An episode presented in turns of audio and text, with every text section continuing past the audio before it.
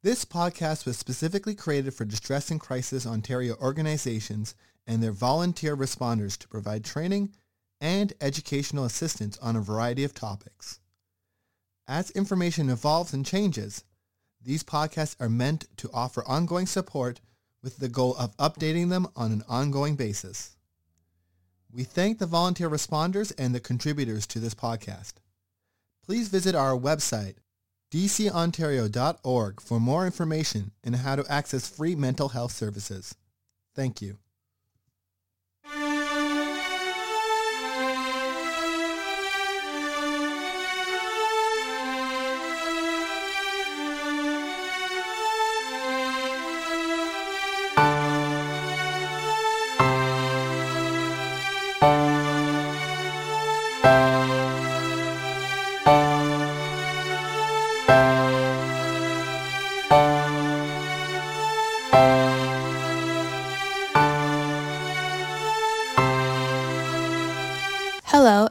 Back to this week's episode. My name is Brenda, and I'm currently a BSW student completing my placement at DCO. In this week's episode, I interviewed Marilyn Clark, an art therapist candidate and registered psychotherapist from the Delton Glebe Counseling Center. As a courtesy to those of you who are listening, I would like to provide a trigger warning as Marilyn shares with us her story about losing her mother to suicide and her personal grieving process.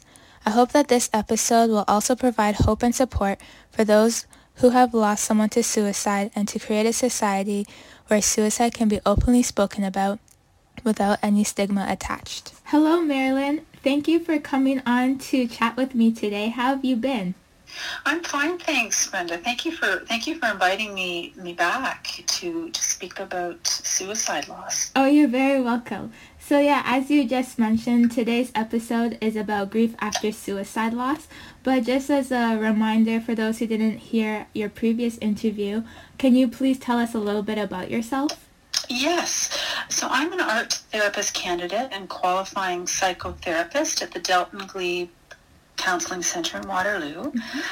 Uh, I'm a mother of two adult children and I'm a visual artist. So uh, prior to, to coming into the therapy profession, I worked in the violence against women sector Mm-hmm. in many, many different capacities as a frontline worker, at a shelter worker, and then in various other programs at, uh, at Guelph Wellington Women in Crisis. Mhm. Yeah, so I've, I've spent most of my working life engaged in, in art making and in supporting women who have experienced violence. Oh, nice. Yeah. Um, I don't know. Maybe it's important to, to, to note that I'm I'm the third oldest of six children. Oh, cool. So you're right in the middle. I'm yeah, kind of in the middle. Like I'm the sixth, so I'm yeah. I'm the, I'm, I'm the I'm, I've got three younger and two older. Okay. Uh, yeah, and and and I, I have one brother and four sisters, and yeah. So, Nice. so that's a little bit about me. Cool. And also, so I know that you have personal experience to losing someone to suicide. Uh, can you please share your experience with us and your journey with how that has been? Yes. So, so my mother Mary died by suicide in 1990. She was 52 years old. Mm. Um, yeah, and at the time I was 23, hmm and and so uh, it goes without saying that that losing someone to suicide is is, is a particularly difficult form of grief. Yeah. And uh, so, quite frankly, we, as a family, we were besieged really by a, such a, a sense of loss. And uh, so, and as you can well imagine, the foundation of our, our family life collapsed really in that Mhm. moment. And and we all struggled, you know, Mhm. to, to, to, to make sense of her loss. Yeah. Yeah. So, so uh, my mother was, you know, an artist. Uh, She trained at the Ontario College of Arts in the Okay. 1950s, and uh, she was a very dynamic and unique individual. Individual. Mm-hmm. Are you open to sharing with us what it was like for you to lose your mother that day? And do you remember any feelings that came up?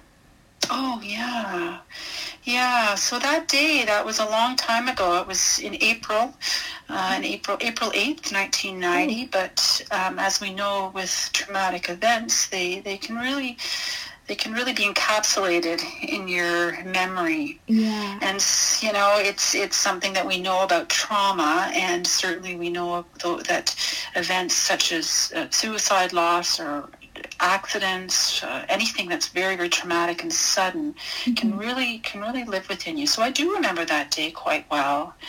Um, so what I would say is that it was a it was a it was definitely a devastating a devastating time and an event and moment yeah. in in our lives. Um, my my mom my mom she she left uh, the house early in the morning and she essentially didn't come back. Oh. And um, I, I saw her in the morning. So mm-hmm. the, the, the, the, the feeling and the, the, the feeling that somebody is there suddenly and, mm-hmm. and all of a sudden she's not um, is a very profound and bewildering experience. Mm-hmm. So, you know, so of course, immediately you deal with the trauma, but then mm-hmm. soon thereafter, the what ifs accompanied by guilt, confusion, mm-hmm. shock. Um, you know, it's uh, somebody somebody who was so alive and so present that mm-hmm. suddenly not there. So that that took quite a long time to integrate and to understand how, how that happened and you know how to how to how to cope and deal with it over the years. Mm-hmm. mm-hmm. I'm sorry about your loss. I can't even imagine my life without my mom. Yeah, yeah, it's true. Mm-hmm. You know, you really, you, when you have such a connection, if they're sort of the foundation of your family, mm-hmm. um, it's hard to imagine that structure, yeah. right? With, without without them, and you really have to start to rene- renegotiate what it means to be in in your family unit, and mm-hmm. it's a very very difficult thing to do. Yeah, and what was your relationship like with your mom? Hmm. Well, my mom, I, I knew she loved me. Mm-hmm. certainly, I had that foundational uh, um, experience of feeling loved and, and, and wanted. Um, she was a very supportive person.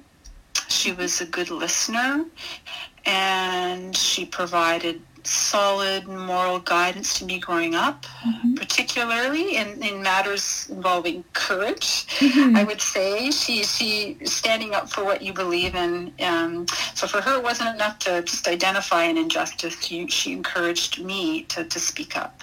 Mm-hmm. And so, so she was she was a very creative and and um, she provided, she provided, as an artist, she provided myself and, and my siblings with many, many imaginative and comforting experiences.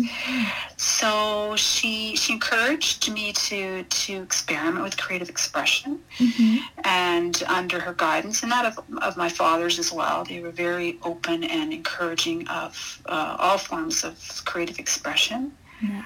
Um, she was she was a complex person. Mm-hmm. So, so during the last few years of her life, it became more difficult for me to, to connect with her mm-hmm. um, because she was struggling more acutely with mental health. And mm-hmm and my lack of knowledge around the impact of mental illness at mm-hmm. the time, you know, contributed to feeling sometimes dis- disconnected from her. So, okay. so she was she was a profoundly private individual. So while she was outgoing, she was also uh, very private. Mm-hmm. And um, when she was ill, she she was distant and at times withdrawn. So it was a complex relationship, as relationships are. Mm-hmm. And um, you know, yeah.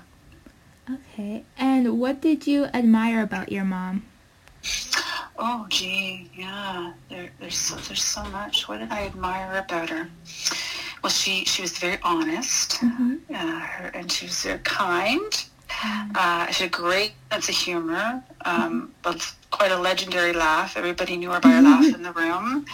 Uh, her creativity, uh, her love of color, mm-hmm. and uh, her uh, you know love of anything beautiful nature. She'd always comment. You know, she was the eyes and the she, she would comment on the world around her, and mm-hmm. I think mm-hmm. that really impacted how I how I interact with the world. You know, and um, yeah, and her ability to connect with almost anyone. Mm-hmm. She had that knack. Yeah, she's a very genuine person. Nice. And so since she had um, a strong connection to you guys and she had was very genuine in her uh, relationships with you guys, how did your family dynamics change after your mother died by suicide? Mm-hmm. Yeah, well, um, oh, gee, everything changed really. Brenda. And mm-hmm. so following the death of a parent, we mm-hmm. just talked about you, you know, you not being able to imagine your your mom not being with you. But so following a death of a parent under any circumstance mm-hmm. um, is particularly difficult yeah. uh, when there are children in the home and family roles and relationships then need to be redefined, as I mentioned. Mm-hmm. So so following our mother's suicide, our family narrative changed in a moment. Mm. So the process of adjusting right mm-hmm. to the, the, the new reality of life without her was was incredibly difficult and painful. Yeah. So so what you know what happened in that time and, and over time and initially particularly is it led to an emotionally unpredictable environment. So you can imagine you've got six kids, your husband, all of us are grieving in our own way. Mm-hmm. So there was sadness, there was anger, confusion, uh, blame, guilt, mm-hmm. um, and and love and affection and understanding too. So it wasn't. It was a real range of m- emotions. But I guess what I would say is that the family dynamics became more complex and, and more confusing. Okay. And and and I think over time we, we adapted, mm-hmm. and I think our relationships did eventually strengthen. But but during that time, it was very very difficult to negotiate. Okay, yeah, it sounds like it really impacted your family as a system. And how did the loss of your mother impact you um, personally growing up? Oh well, see, uh, now I was 23 when my mom died, mm-hmm. and so so two years later, my first child was born. So okay. just not less than two years later. So so for my younger teenage siblings, mm-hmm. I think that more for them, their lives were incredibly disrupted. Um, mm-hmm. as you mm-hmm. can well imagine. So for me, I, I was, I, I think, um, you know, being in my in my adult years had a different impact than mm-hmm. had it had her had her death occurred uh, when I was a, a teenager. Mm. And did you feel like you became like a mother to your younger siblings? Oh, it's a, that's that's a that's a really good question. Uh, yes, I felt that I felt protective, and I felt mm-hmm. that. Um, that at times I needed to step in, but I mm-hmm. also also needed to get on with my own life. So yeah. um, I think probably uh, over time that that mothering came out more strongly than it did at that uh, you know at the age of 23 because mm-hmm. you know I had a I had a lot on my my my own plate moving yeah. into becoming a mother. So I think for them they they really lost that mother that sense of a mother figure mm-hmm. in in their life for sure. Mm-hmm. Mm-hmm. And how uh, was your perspective of life changed? Oh, well, everything changed for me. Um, how I saw myself in the world, mm-hmm. uh, what my future would look like, it affected my sense of self and emotional security for some time. Mm-hmm. Um, but I think my mother's death, I mean, this is 31 years later, so I do have some some perspective, mm-hmm. um, has made me more compassionate, mm-hmm. certainly more curious, mm-hmm. more more committed to advocacy and, and support in my working life and hopefully more alert to others. Mm-hmm. Although I know I, I, fall short of being in tuned at times, but I, I think that um, I think it has strengthened my ability and my my ability to see the world more compassionately for sure. Mm-hmm. It sounds like um, this has given you more positive traits in how to connect with others in the world. Yeah, I would say so. I would say that I can. I I feel that that is something. You know, we look we look to to meaning making, and mm-hmm. and it's so hard with it with the with volition death when somebody dies by suicide. It's mm-hmm. so hard to make meaning, and yet we know that meaning is so important in the healing process. Mm-hmm. And so, how do you make meaning? And I think, yeah, looking back and feeling that. So I, that's why I really like this question because mm-hmm. it taps into that notion of how do we make meaning uh, out of something that seems utterly meaningless in, in that yeah. moment. Mm-hmm. And so, what did you do to cope through the experience, and how have your support systems and ways of coping changed over the years? Mm-hmm.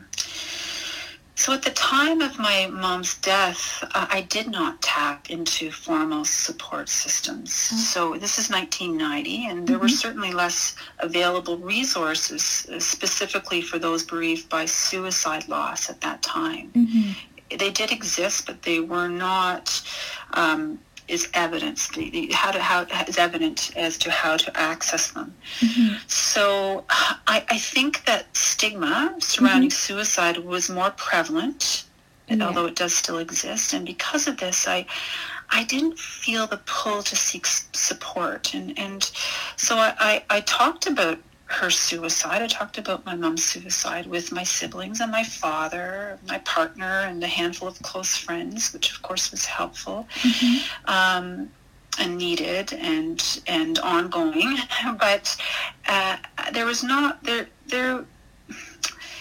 You know, there's no question that I could have benefited from benefited from more formal trauma informed trauma informed clinical supports or peer supports. So. Mm-hmm so, so I think I think we're now aware of the prevalence of mental health struggles more more so than in 1990 and, mm-hmm. and prevention and education campaigns are in the forefront and formal acknowledgement for survivors and of suicide loss are um, you know are seen in things like international survivors of suicide suicide loss day that it's on the, the 21st of november mm-hmm. and, and and these things have have helped to lessen the stigma mm-hmm. attached to discussing issues of suicide loss and suicidality. But and you know, so we've come a long way. Yeah. So when I look at back at my family and how we coped with my mother's loss, mm-hmm. I'm, I am impressed by our collective resilience. Mm-hmm. There's no question. Um, that's really coming from a strength-based lens. Mm-hmm. Well, at the same time, I acknowledge that we, we didn't have adequate supports in place to cope with her death. Mm. Mm-hmm. Mm-hmm. And through that coping experience, did you experience guilt and how did you um, cope with the guilt as well? Mm. Yes, I did experience guilt. Uh, you know, as I mentioned, I was with my mother the morning of her death, and mm-hmm. then and then although I knew something was wrong, mm-hmm. um, you know, I I. I I couldn't have imagined that that would have been her choice. Mm-hmm. And so I believed for some time that I, you know, I had failed to understand the scope of her despair. Mm-hmm. So that, that lingered with me for a, for quite a while, mm-hmm. and and the what ifs, you know, they do linger, mm-hmm.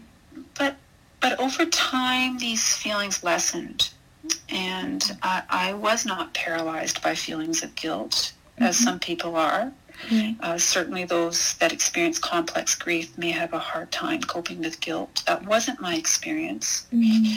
Um, you know, so much so for some people it affects their ability to function, which is the, the definition of the, comp- the complex grief diagnosis. Mm-hmm. Um, I, I was able to focus on the task of raising my children and I had creative outlets and a very good circle of, of life-giving friends. So yes, it, it was there. Um, it didn't debilitate me. Okay. That's good to hear that it didn't debilitate you. Mm-hmm, mm-hmm. And so through that experience, um, what advice would you give to those bereaved by suicide loss?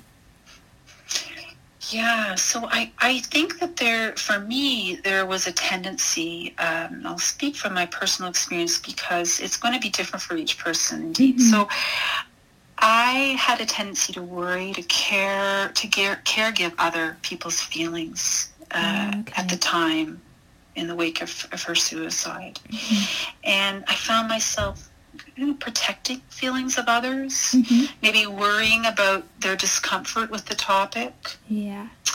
You know, and I think that that somehow I had internalized some of the damaging myths, perhaps around suicide, which which impeded the grieving process and, and put me in that, um, you know, maybe compelled me to, to care for others. Mhm.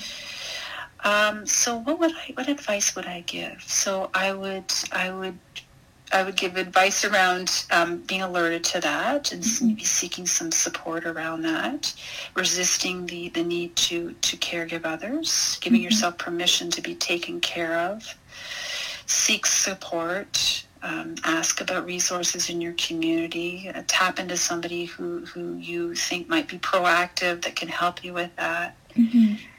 allow yourself time and space to talk about your loss and really consider the possibility of attending formal therapy Mhm. and uh, therapy with someone who, who works with grief.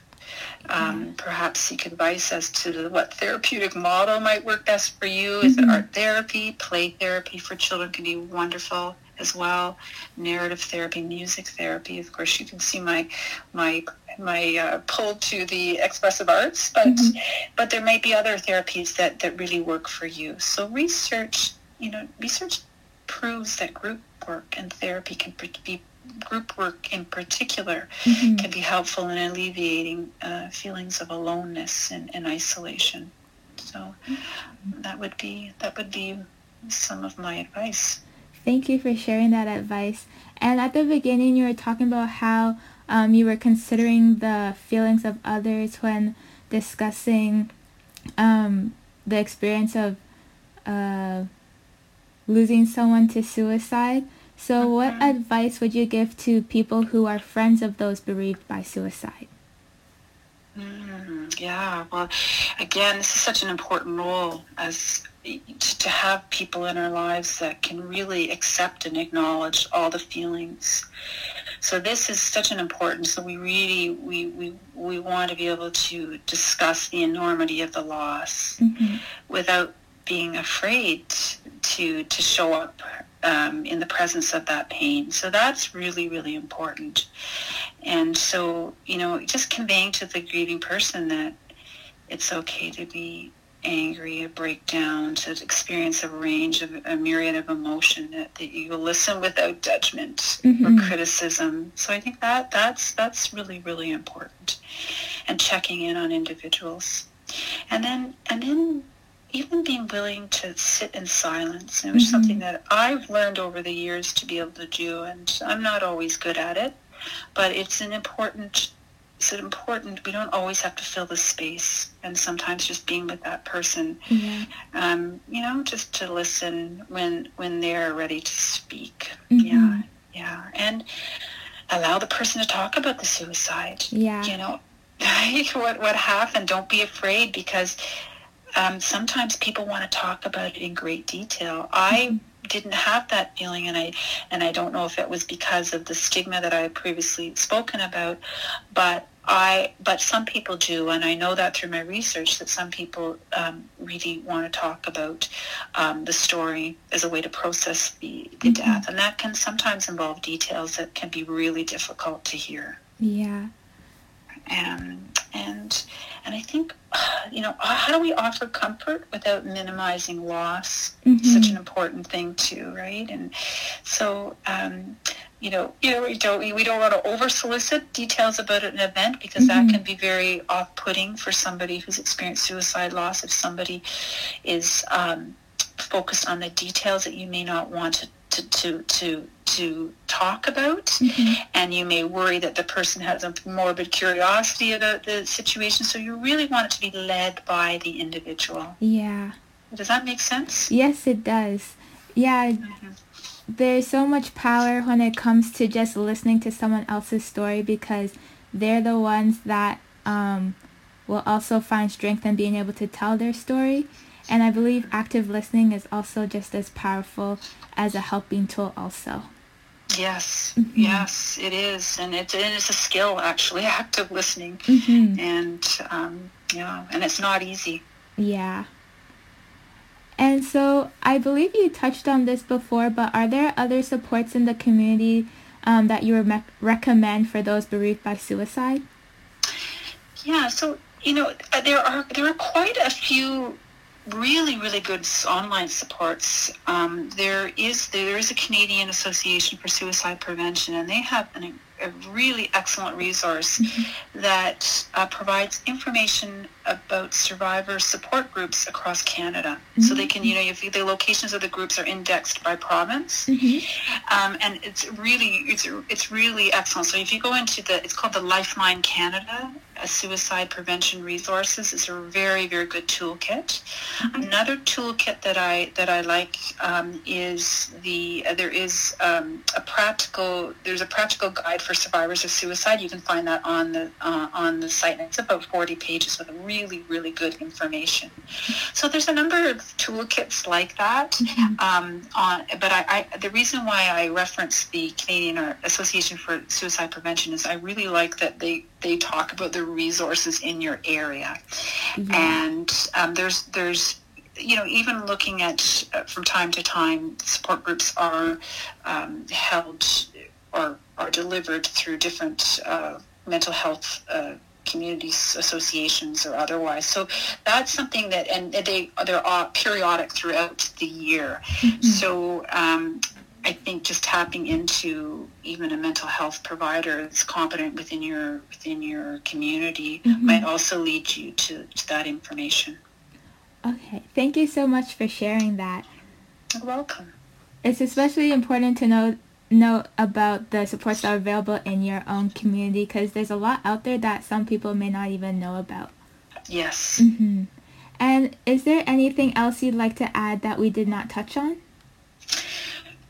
Well, I I I think that we need to continue to improve survivor support infrastructure, mm-hmm. and that's a really area of interest for me uh, in my research and in my own um, capacity as an emerging therapist mm-hmm. and how you know how do we how do we uh, how do we support survivors of suicide loss because mm-hmm. each year we know that there's almost a million individuals worldwide yeah. who take their own lives mm-hmm. and and that is likely an underreporting because of the stigma associated with suicide loss mm-hmm. and many deaths are undeclared um, as suicide so so you know, each day in Canada, 4,000 people die by suicide. Mm-hmm. Part, rather, every year in Canada, 4, 4, 40, 4,000, not 40,000, mm-hmm. 4,000 people die by suicide. Mm-hmm. And and for every suicide, there are so many people who will, many more people who will attempt. So the, this is an important, uh, this is an important public health issue, really. Mm-hmm. And, and and suicide is the top, one of the top lead, leading 10 leading causes of death. So we're in the top 10, mm. um, and rates are increasing. So I think that this is an important discussion, and I really yeah. appreciate um, the time that you are giving to this um, on your podcast, Brenda. Yeah, thank you so much for also coming on to share your story. And I hope this won't be the end of talking about suicide loss, but it'll be um, the start of conversations and being able to talk about it more and more in society. You're, you're very welcome, and mm-hmm. I, I, feel really uh, lucky to, to be able to speak about it in this mm-hmm. forum. So thank you. Thank you. Take care. Thanks, Bye-bye. you too. Bye.